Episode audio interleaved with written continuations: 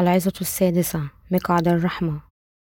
خروج الإصحاح الخامس والعشرون الآية العاشرة إلى الثانية والعشرون. فيصنعون تابوتا من خشب السنت طوله ذراعان ونصف وعرضه ذراع ونصف وارتفاعه ذراع ونصف.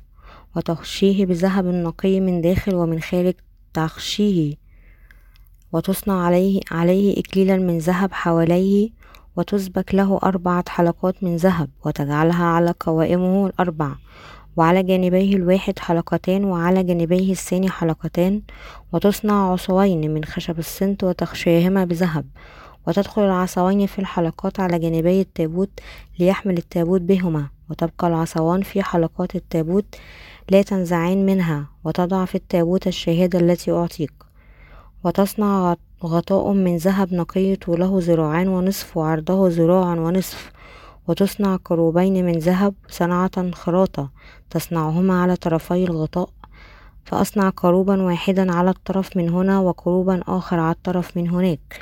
ومن الغطاء تصنعون الكروبين على طرفيه ويكون الكروبان باسطين أجنحتهما إلى فوق مظللين بأجنحتهما على الغطاء ووجههما على كل واحد للآخر ونحو الغطاء يكون وجه الكروبين وتجعل الغطاء على التابوت من فوق وفي التابوت تضع الشهادة التي أعطيك وأنا أجتمع بك هناك وأتكلم معك. من على الغطاء ومن بين الكروبين اللذين على تابوت الشهادة بكل ما أوثيق به إلى بني إسرائيل. تم تقسيم الجزء الداخلي من خيمة الاجتماع إلى قسمين رئيسيين المكان المقدس والمكان الأقدس وتم تعليق حجاب بينهما كمقسم. وكان تابوت الشهادة يقع خلف هذا الحجاب داخل القداسة. ويعرف غطاء الفلك أيضا باسم مقعد الرحمة. وكان طوله مقعد الرحمة اثنين وخمسة من عشرة ذراع. وفي الكتاب المقدس الذراع هو الطول الممتد من طرف اليد إلى الكوع لذلك يعتبر الذراع في العهد القديم عموما حوالي 500 ملم في وحدة القياس الحالية. ثم عند ذراعين ونصف كان طول الرحمة حوالي واحد متر في قياس اليوم. وكان عرضي وطولي عند الذراع ونصف لكل منهما حوالي 750 مترا. وتحت كرسي الرحمة هذا كان تابوت الشهادة وكان تابوت مصنوعا من خشب الصنت ومغطى بالذهب الخالص على طرفي كرسي الرحمة وكان هناك كروبين يمدان جناحيهما أعلاه ويغطيان كرسي الرحمة بجناحيهما وكانت وجوههما نحو كرسي الرحمة في مواجهة بعضهما البعض. كما يقول اسمه هو المكان الذي منح فيه الله نعمته. وقال الله لنا انه سيلتقي بنا هنا على كرسي الرحمة داخل تابوت الشاهدة وكان هناك عصا هارون التي تبرعمت ووعاء ذهبي يحمل المن ولوحين من الحجر منكوش عليهما الوصايا العشر في الزوايا الأربع لمقعد الرحمة. وتم وضع أربع حلقات بحيث يمكن حمل تابوت الشهادة وصنع عمودين من خشب السنت ومغطى بالذهب. ويمكن وضع هذه الأعمدة من خلال الحلقات لحمل الفلك. مرة واحدة في السنة أحضر رئيس الكهنة دم ذبيحة للقداسة ورشه على كرسي الرحمة وفعل هذا لأنه من خلال وضع يديه تم نقل كل خطايا بني إسرائيل إلى الذبيحة. لهذا قال ربنا وهناك ألتقي بكما وأكلمكما من فوق كرسي الرحمة من بين الكروبيم اللذين على تابوت الشهادة. عن كل ما أعطيكم وصية لبني إسرائيل خروج الإصحاح الخامس والعشرون الآية الثانية والعشرون. وكان هذا هو وعد الرب بأنه سيجلب مغفرة الخطايا للبشرية جمعاء ولذلك نعلن إيماننا بإنجيل الماء والروح من المهم. بالنسبة لنا أن يكون لدينا معرفة مفصلة بنظام الذبائح في العهد القديم. أمر الله أنه كلما حرك الكهنة تابوت الشهادة يجب أن يرفعوه من القطبين على جانبي التابوت. وماذا يعني هذا؟ إنه يعني أن الله يريدنا أن نخدم ونكرس بحقيقة خلاصه بكل أجسادنا وقلوبنا وهذا يعني أن الله يريدنا أن نخدم الرب في وحدة وليس بشكل فردي. ولهذا السبب أمر الله ليس فقط كرسي الرحمة ولكن مائدة الخبز ومذبح البخور. ويجب أن تحمل هذه الأعمدة التي تم وضعها من خلال الحلقات على كل الجانبين. وهذا يعني أنه يجب أن نكرس كل أجسادنا وقلوبنا لنشر إنجيل الله. لقد تلقينا مغفرة الخطايا في قلوبنا بالإيمان بإنجيل الماء والروح داخل تابوت الشهادة وكان هناك وعاء ذهبي يحمل المن ومن الناحية الروحية هذا المن يعني كلمة الله. كان للتابوت أيضا عصا هارون التي تبرعمت عصا هارون الذي التي تبرعمت تعني قيامة يسوع رب الحياة أخيرا. وحمل التابوت لوحين حجريين من العهد منقوشا عليه وصايا الله العشر. وهذا يبين لنا أننا يجب أن نخدم الله بقلوبنا من خلال الثقة في كلمته من كل قلوبنا. قال الرب أنه سيلتقي بنا في مقعد الرحمة ومن الناحية الروحية يشير كرسي الرحمة لإنجيل الماء والروح حيث يلتقي ربنا معا. وينظر الرب إلينا بين الكروبيم على كرسي الرحمة يحدثنا عن إنجيل الماء والروح ويخبرنا هذا روحيا عن مغفرة الخطايا. لقد خلصنا الرب من خطايانا بتعميد يوحنا المعمدان وسفك دمه ولهذا السبب يمكننا أن نسمي كرسي الرحمة المكان الذي يمنحنا فيه إلهنا نعمة الخلاص وبعبارة أخرى فإن كرسي الرحمة يعني كفارتنا ويظهر لنا أن ربنا لطخ كل خطايانا إلى الأبد بإنجيل الماء والروح. ماذا عن شعب إسرائيل إذا؟ كيف لطخ الرب خطاياهم؟ لقد فعل ذلك بالدم الذي رش على رحم كرسي الرحمة وسفك من قبل الذبيحة التي حملت خطايا شعب إسرائيل السنوية في يوم الكفارة. ووضع رئيس الكهنة يديه على رأس الذبيحة لتمرير جميع خطايا بني إسرائيل السنوية وبعد ذلك فقط قطع حلقها لسحب دمها ورش هذا الدم على كرسي الرحمة للتكفير عن الخطايا التي ارتكبها جميع بني إسرائيل لمدة عام. يتحدث هذا النظام الذبائحي الذي مورث خلال عصر العهد القديم عن مر عن بر الله الذي تم بإنجيل الماء والروح في عصر العهد الجديد. بصفته رئيس الكهنة السماوي وخلصنا يسوع من خطايانا بتقديم جسده كفارة للبشرية جمعاء كان باب شاشة خيمة الاجتماع مصنوع من خيوط زرقاء وأرجوانية وقرمزية وبياضات مسنوجة ناعمة تماما زي بوابة مثل بوابة محكمة محكمة خيمة الاجتماع المعنى الروحي للخيط الأزرق المستخدم هو أن يسوع حمل خطاياك وخطاياي بتعميد يوحنا المعمدان وبعبارة أخرى يشير الخيط الأزرق لحقيقة أن يسوع أخذ خطايا العالم مرة واحدة وإلى الأبد من خلال تعميده من قبل يوحنا المعمدان. ذلك لأن يسوع المسيح قبل خطايا العالم من خلال معموديته وأنه يمكن أن يصلب ويدان على كل خطايا الجنس البشري بأسره. وهذه هي حقيقة السر المخفي في باب خيمة الاجتماع وأخذ ربنا خطايانا من خلال معموديته وحمل إدانتها على الصليب. لذلك يريد الله الآب أن, أن, أن يؤمن الجميع من كل قلبهم بالحقيقة بأن ابنه يسوع لطخ آثام العالم بتعمده من قبل يوحنا المعمدان ويريد الله من جميع القديسين الذين أصبحوا شعبه أن يخدموا إنجيل الماء والروح. لذلك يجب أن ندرك إرادة إلهنا ونسير وفقا لذلك وقد أصبحنا أبرارا ويجب أن ندرك ما يريده الله جميعا. الخيط الأرجواني المستخدم لباب خيمة الاجتماع يعني أن يسوع هو ملك الملوك. يسوع المسيح هو الله نفسه رب الحياة الأبدية. يوحنا الأولى الإصحاح الخامس الآية العشرون. وبكلمات أخرى ولد الله نفسه كإنسان ليخلصنا من خطايا العالم.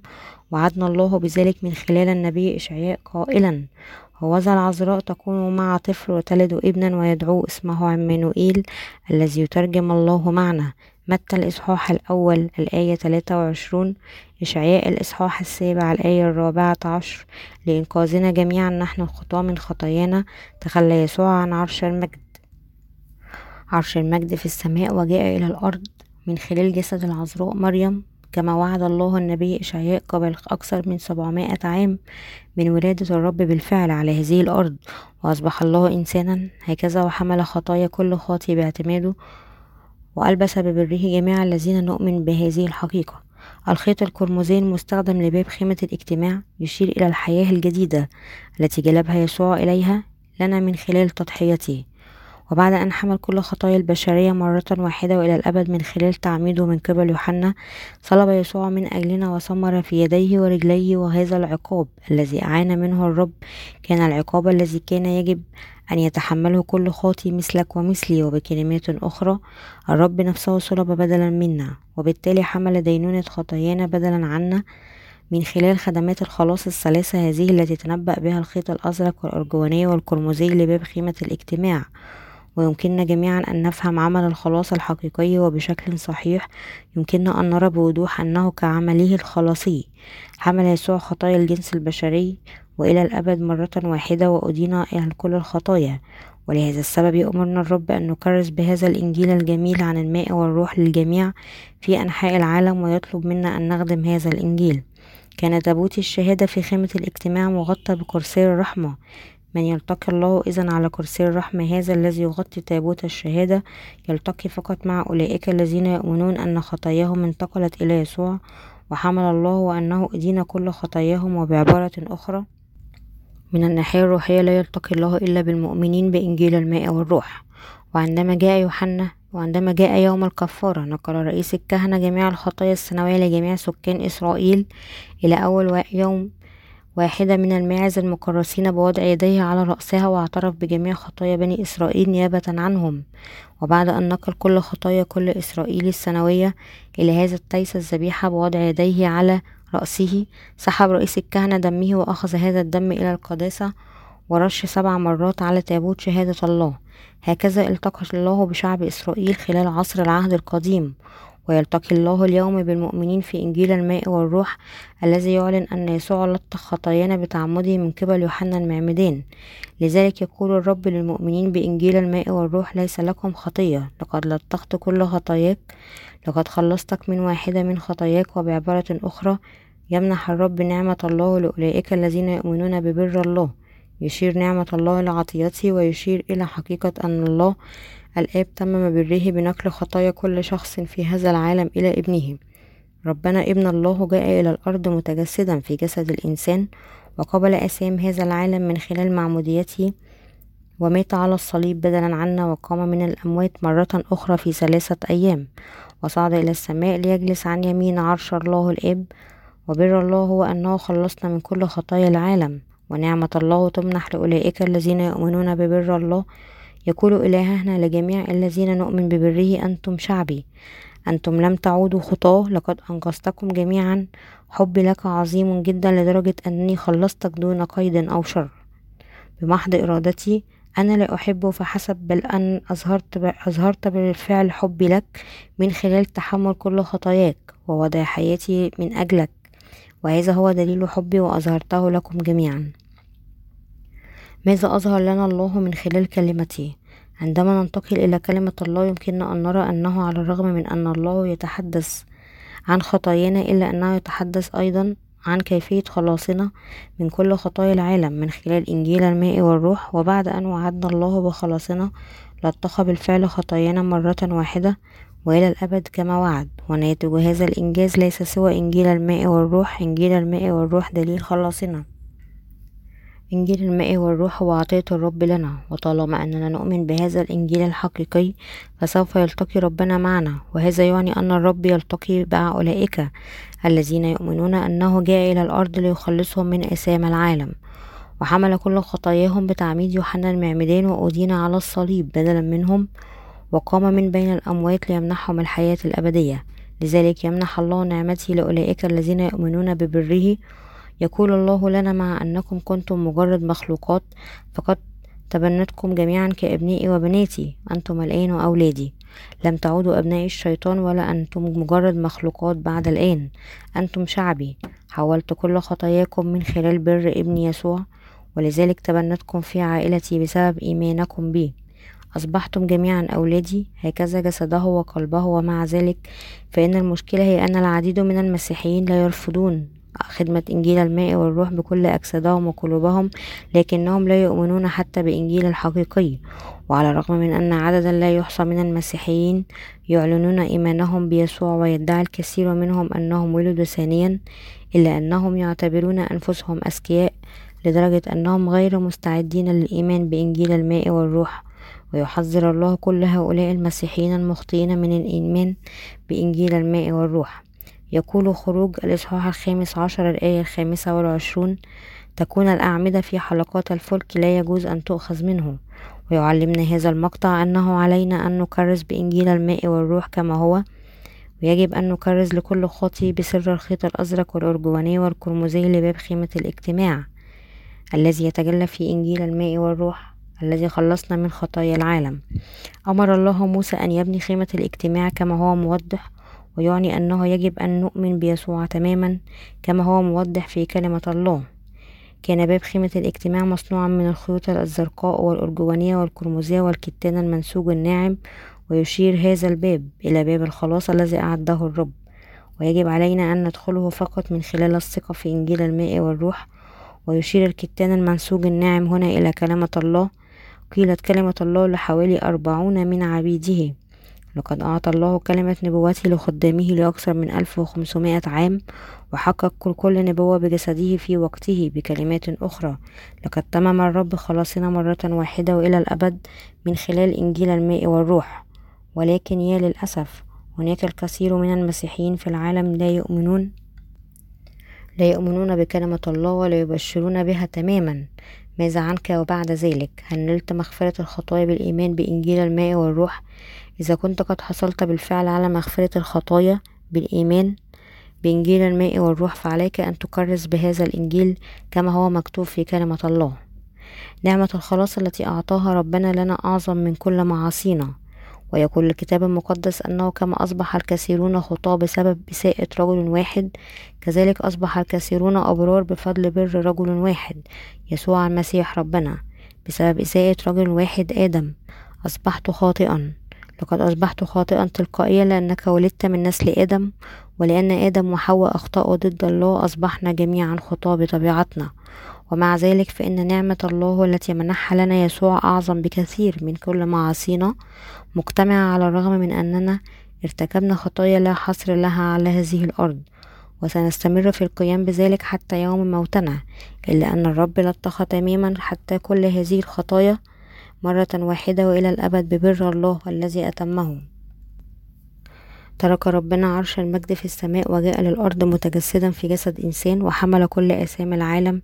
مرة واحدة وإلى الأبد من خلال المعمودية التي تلقاها من يوحنا. وسفك دمه على الصليب ومن خلال عمل الخلاص لطخ ربنا كل الخطايا التي ارتكبناها وسنرتكبها وقضى على كل خطية. حتى خطايا أولئك الذين لم يولدوا بعد في العالم والخطايا التي لا تعد ولا تحصى التي لم يرتكب بعد. جعلنا ربنا كاملين بغسل كل خطايانا بخلاصه الذي يتجلى في الخيط الأزرق والأرجواني والقرمزي لباب خيمة الاجتماع. فإن هذا الخلاص الذي جلبه لنا يسوع بمحو خطايانا على هذه الأرض أعظم بكثير من كل خطايانا وخطايا كل الذين نرتكبها بسبب إساءة رجل واحد ولهذا السبب أصبحنا أبرار بالإيمان بإنجيل الماء والروح. لقد أصبحنا بلا خطية من خلال إيماننا بإنجيل الماء والروح. وعد الله أن يقابلنا على كرسي الرحمة. تابوت الشهادة الموجود داخل القداسة كان له ملاكان بجناحيهما ممدودين ويواجهان منح الله نعمة الخلاص لنا جميعا. الأعمدة التي يتم إدخالها من خلال حلقات الرحمة لا ينبغي إخراج المقعد. ومن المهم بالنسبة لنا أن نتذكر أن مقعد الرحمة كان به قضبان على جانبيه لحمله ويجب عدم إزالتهما من الفلك في جميع الأوقات. هذا يعني أن كل مؤمن يجب أن يحافظ على إيمانه بإنجيل الماء والروح بينما يخدمه من كل كرسي الرحمة. وماذا يمكننا أن نرى هناك؟ يمكننا أن نرى الدم. دم من هذا؟ في عصر العهد القديم كان الدم الكفاري للحيوان الذبيحة. في عصر العهد الجديد هو دم يسوع المسيح. الدم الذي نراه على كرسي الرحمة هو دم ابن الله الآب. هذا هو دم الذبيحة الذي سفكه يسوع على الصليب بعد أن حمل خطايانا من خلال معموديته. وبسبب هذه الذبيحة يمكن لمن يؤمن بمعمودية ابن الله ودمه أن ينال مغفرة الخطايا. ويمكن لله أن يعلن كل أولئك الذين يفهمون ويؤمنون بإنجيل الماء والروح. ليس لديهم خطية يمكنه أيضا أن يجعلهم شعبه. هذه هي الحقيقة المعلنة في كرسي الرحمة. وعندما نكرس بإنجيل الماء والروح علينا أن نكرس تماما كما هو مكتوب في الكتاب المقدس. لا ينبغي لأحد منا أن يكرس أو يخدم إنجيل الماء والروح بطريقة متدهورة يمكن للجميع أن يخلصوا إذا استمعوا فقط لإنجيل الماء والروح الذي بشرنا به وآمنوا من كل قلبهم. ولكن هل أصبح أي شخص حقا بلا خطية بمجرد الإيمان باسم يسوع بطريقة أو بأخرى؟ هل تختفي خطاياك بمجرد الإيمان الأعمى بأن يسوع صلب وحكم عليه بالموت بدلا منك؟ كلا بالطبع ومع ذلك فإن الكثير من المسيحيين في الوقت الحاضر يؤمنون بيسوع بشكل أعمى هكذا لأنهم سعداء لسماع أنهم أصبحوا بلا خطية على الرغم من أن هذا الواقع غير صحيح ومن المفهوم لذلك لماذا ينجذب الكثير من المسيحيين إلى هذا الشعور الزائف بالإيمان بعد كل شيء؟ إذا كنت في السجن وأعطتك الحكومة عفوا فستكون أيضا سعيدا. المشكلة بالطبع هي أن هذا العفو ليس حقيقيا. يقول الكتاب المقدس بوضوح وتعرفون الحق والحق يحرركم. يوحنا الإصحاح الثامن الآية الثانية والثلاثون ما هو الطريق للتكفير عن خطايا البشر؟ كيف يمكنهم الحصول على الحياة الأبدية. يمكنهم الحصول على مغفرة الخطايا والحصول على الحياة الأبدية من خلال الإيمان بحقيقة الخلاص التي تتجلى في الخيط الأزرق والأرجواني والقرمزي لباب خيمة الاجتماع أي في إنجيل الماء والروح فقط. أولئك الذين يؤمنون بهذا الإنجيل الحقيقي. يمكن أن يصبحوا أبناء الله. إنجيل الماء والروح هو إنجيل الله ذاته علينا جميعا واجب التبشير بهذا الإنجيل الحقيقي ونشره بالإيمان. الآن أصبحنا الإسرائيليين الروحيين بالإيمان بإنجيل الماء والروح ويجب أن نخدم إنجيل الماء والروح. هذا شخصان على الأقل أو أكثر في وحدة كاملة. عندما نكرس بإنجيل الماء والروح نكرس بحقيقة الخلاص المعلنة. في الخيط الأزرق والأرجواني والقرمزي لباب خيمة الاجتماع. تمم الرب بر الله تماما كما وعدنا وهذا البر هو حقيقة أن يسوع لطخ كل خطايانا وخلصنا. نحن المؤمنين بمجيئه إلى هذه الأرض وتعمده يوحنا المعمدان والموت على الصليب والقيام من بين الأموات والصعود إلى السماء. إنجيل الماء والروح هو خلاصنا إنها كفارتنا. بإنجيل الماء والروح القدس ولطخ الله خطايانا مرة واحدة وإلى الأبد. وتم نقل كل خطية لنا إلى يسوع من خلال المعمودية التي تلقاها من يوحنا المعمدان. وهكذا تم التكفير عن كل خطايانا. علاوة على ذلك لم يحمل ربنا كل خطايانا فحسب بل صلب أيضا حتى الموت بدلا عنا وسفك دمه وحمل اللعنة التي كان يجب أن نسفكها ونحملها. هكذا أنقذ يسوع كل واحد منا من خطايانا ولعناتنا. ربنا هو مخلص كل من يؤمن ببره بإيماننا بإنجيل الماء والروح. ويجب أن نأتي إلى محضر الله ونقف أمام كرسي الرحمة ونقدم دم ربنا الذبيحة إلى الله ويجب أن نقترب منه بالإيمان قائلين يا الله دم ابنك يسوع قد خلصني من خطاياي عندما فقط يقول الله نعم لقد خلصتك حقا. حبي لك عظيم لدرجة أنني خلصتك. الرب هو مخلصنا ومنح جمهوره لجميع الذين يقتربون منه بإيمانهم ببر الله. وأعطى الحق في أن نصبح أبناء الله لنا ولجميع أولئك الذين يقبلون إنجيل الماء والروح في قلوبهم أيضا. من كرسي الرحمة منحنا الله نعمة الخلاص لذلك يجب علينا جميعا أن نأتي إلى عرش النعمة بالثقة في بر الله. وبغض النظر عن مدى خطيتك وفسادك لا يزال بإمكانك الحصول على مغفرة خطاياك من خلال الإيمان بحقيقة الخلاص التي تظهر في الخيط الأزرق والأرجواني والقرمزي لباب خيمة الاجتماع. أي في معمودية يسوع ودمه وقيامته ويجب أن تأتي إلى محضر الله بإيمان هذا. بالضبط وفقا لقانون الخلاص الذي أسسه الله بإنجيل الماء والروح ويجب أن تخرج إلى الله بالثقة في بره ويجب أن تؤمن أن الله جاء إلى هذه الأرض ليخلص جميع الخطاة وحمل كل خطايا الجنس البشري مرة واحدة وإلى الأبد من خلال تعميده من قبل يوحنا المعمدان وأدين على خطاياك بموته على الصليب بدلا منك. ويجب أن تؤمن أن الرب أخذ خطاياك مرة واحدة وإلى الأبد من خلال الإيمان بمعموديته على يد يوحنا المعمدان قائلا للرب يا رب أنا أؤمن بكل ما فعلته من أجل لإنقاذي من خطاياي فقط عندما تخرج إلى الله بهذا الإيمان يمكنك أن تصل إلى خلاصك. إذا كنت تريد أن تؤمن ببر الرب وتنال مغفرة الخطايا فعليك أن تؤمن بحقيقة الخلاص التي تتجلى في الخيط الأزرق والأرجواني والقرمزي والكتان المنسوج الناعم لباب خامة الاجتماع. لأن مغفرة الخطايا لا تتحقق إلا إذا كنت تعرف وتؤمن بإنجيل الماء والروح بشكل صحيح. وإذا كنت تريد أن تقابل الرب وتتلقى ببركاته إذا كنت تريد أن تكون سعيدا وإذا كنت تريد العودة إلى الله والعيش معه كمخلوق والمحبوب فعليك أن تؤمن أنه لإنقاذك من خطايا العالم قبل الرب كل خطية للجنس البشري بأسره من خلال تعميده من يوحنا المعمدان أنه صلب حتى الموت وحمل كل خطايا العالم وأنه بذلك خلصك من خطاياك.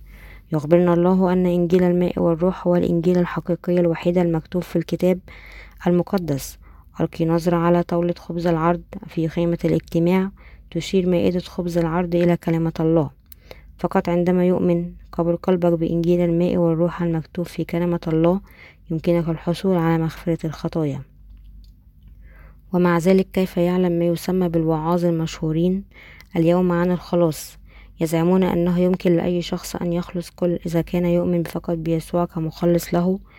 بطريقة أو بأخرى ويقولون أن كل من يؤمن بدم يسوع على الصليب يخلص ومع ذلك إذا كنت تؤمن بيسوع بشكل أعمى مثل هذا فلن تختفي أي من الخطايا التي ارتكبتها في حياتك.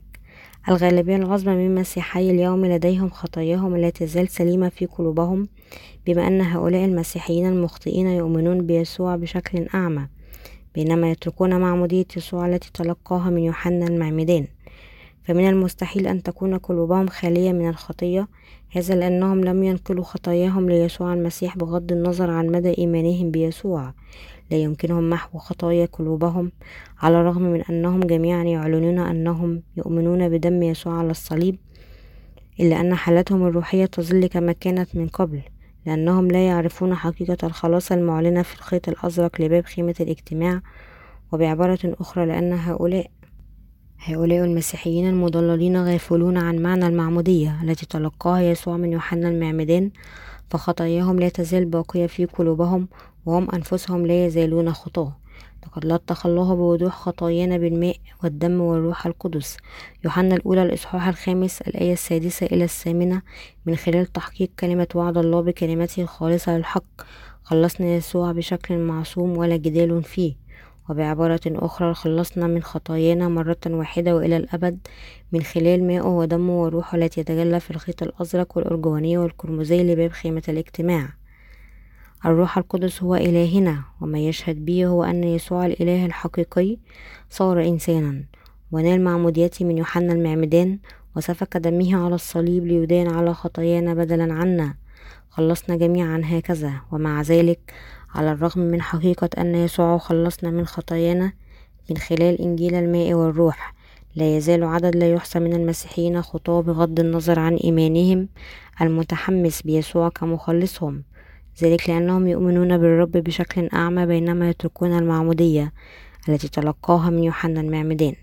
لذلك لا غنى لنا جميعا أن نؤمن بيسوع المسيح وفقا لإنجيل الماء والروح فحسب بل أن نكرس به أيضا كما هو مكتوب في الكتاب المقدس للجميع بالإيمان تماما كما فعل الرسول بولس قال بولس في كورنثوس الأولى الإصحاح الخامس عشر الآية الثالثة إلى الرابعة لأني سلمتكم أولا ما نلته أنا أيضا أن المسيح مات من أجل خطايانا حسب الكتب المقدسة وأنه دفن وقام مرة أخرى في اليوم الثالث حسب الكتاب المقدس كأنما ذكر بولس مات المسيح من خطايانا حسب الكتاب المقدس وتشير عبارة الكتاب المقدس المذكورة إلى العهد القديم لأن العهد الجديد لم يكن قد أعطى بالكامل في ذلك الوقت ثم كان بولس يقول أن يسوع المسيح قد كفر كل خطايا العالم بالضبط وفقا لطقس الذبيحة في العهد القديم لأن يسوع عمد من قبل يوحنا المعمدان وسفك دمه حتى موت الصليب ولأن الرب حمل خطايانا من خلال معموديته صلب حتى الموت. وكان هذا الموت على الصليب يتحمل إدانتنا. هكذا أصبح يسوع مخلصنا بمجيئه إلى الأرض. لذلك فإن مغفرة الله للخطايا ستنزل عن كل من يؤمن بإنجيل الماء والروح. وهذا الخلاص الأبدي جاء بالفعل لجميع الذين يؤمنون بإنجيل الماء والروح. سبحان الله.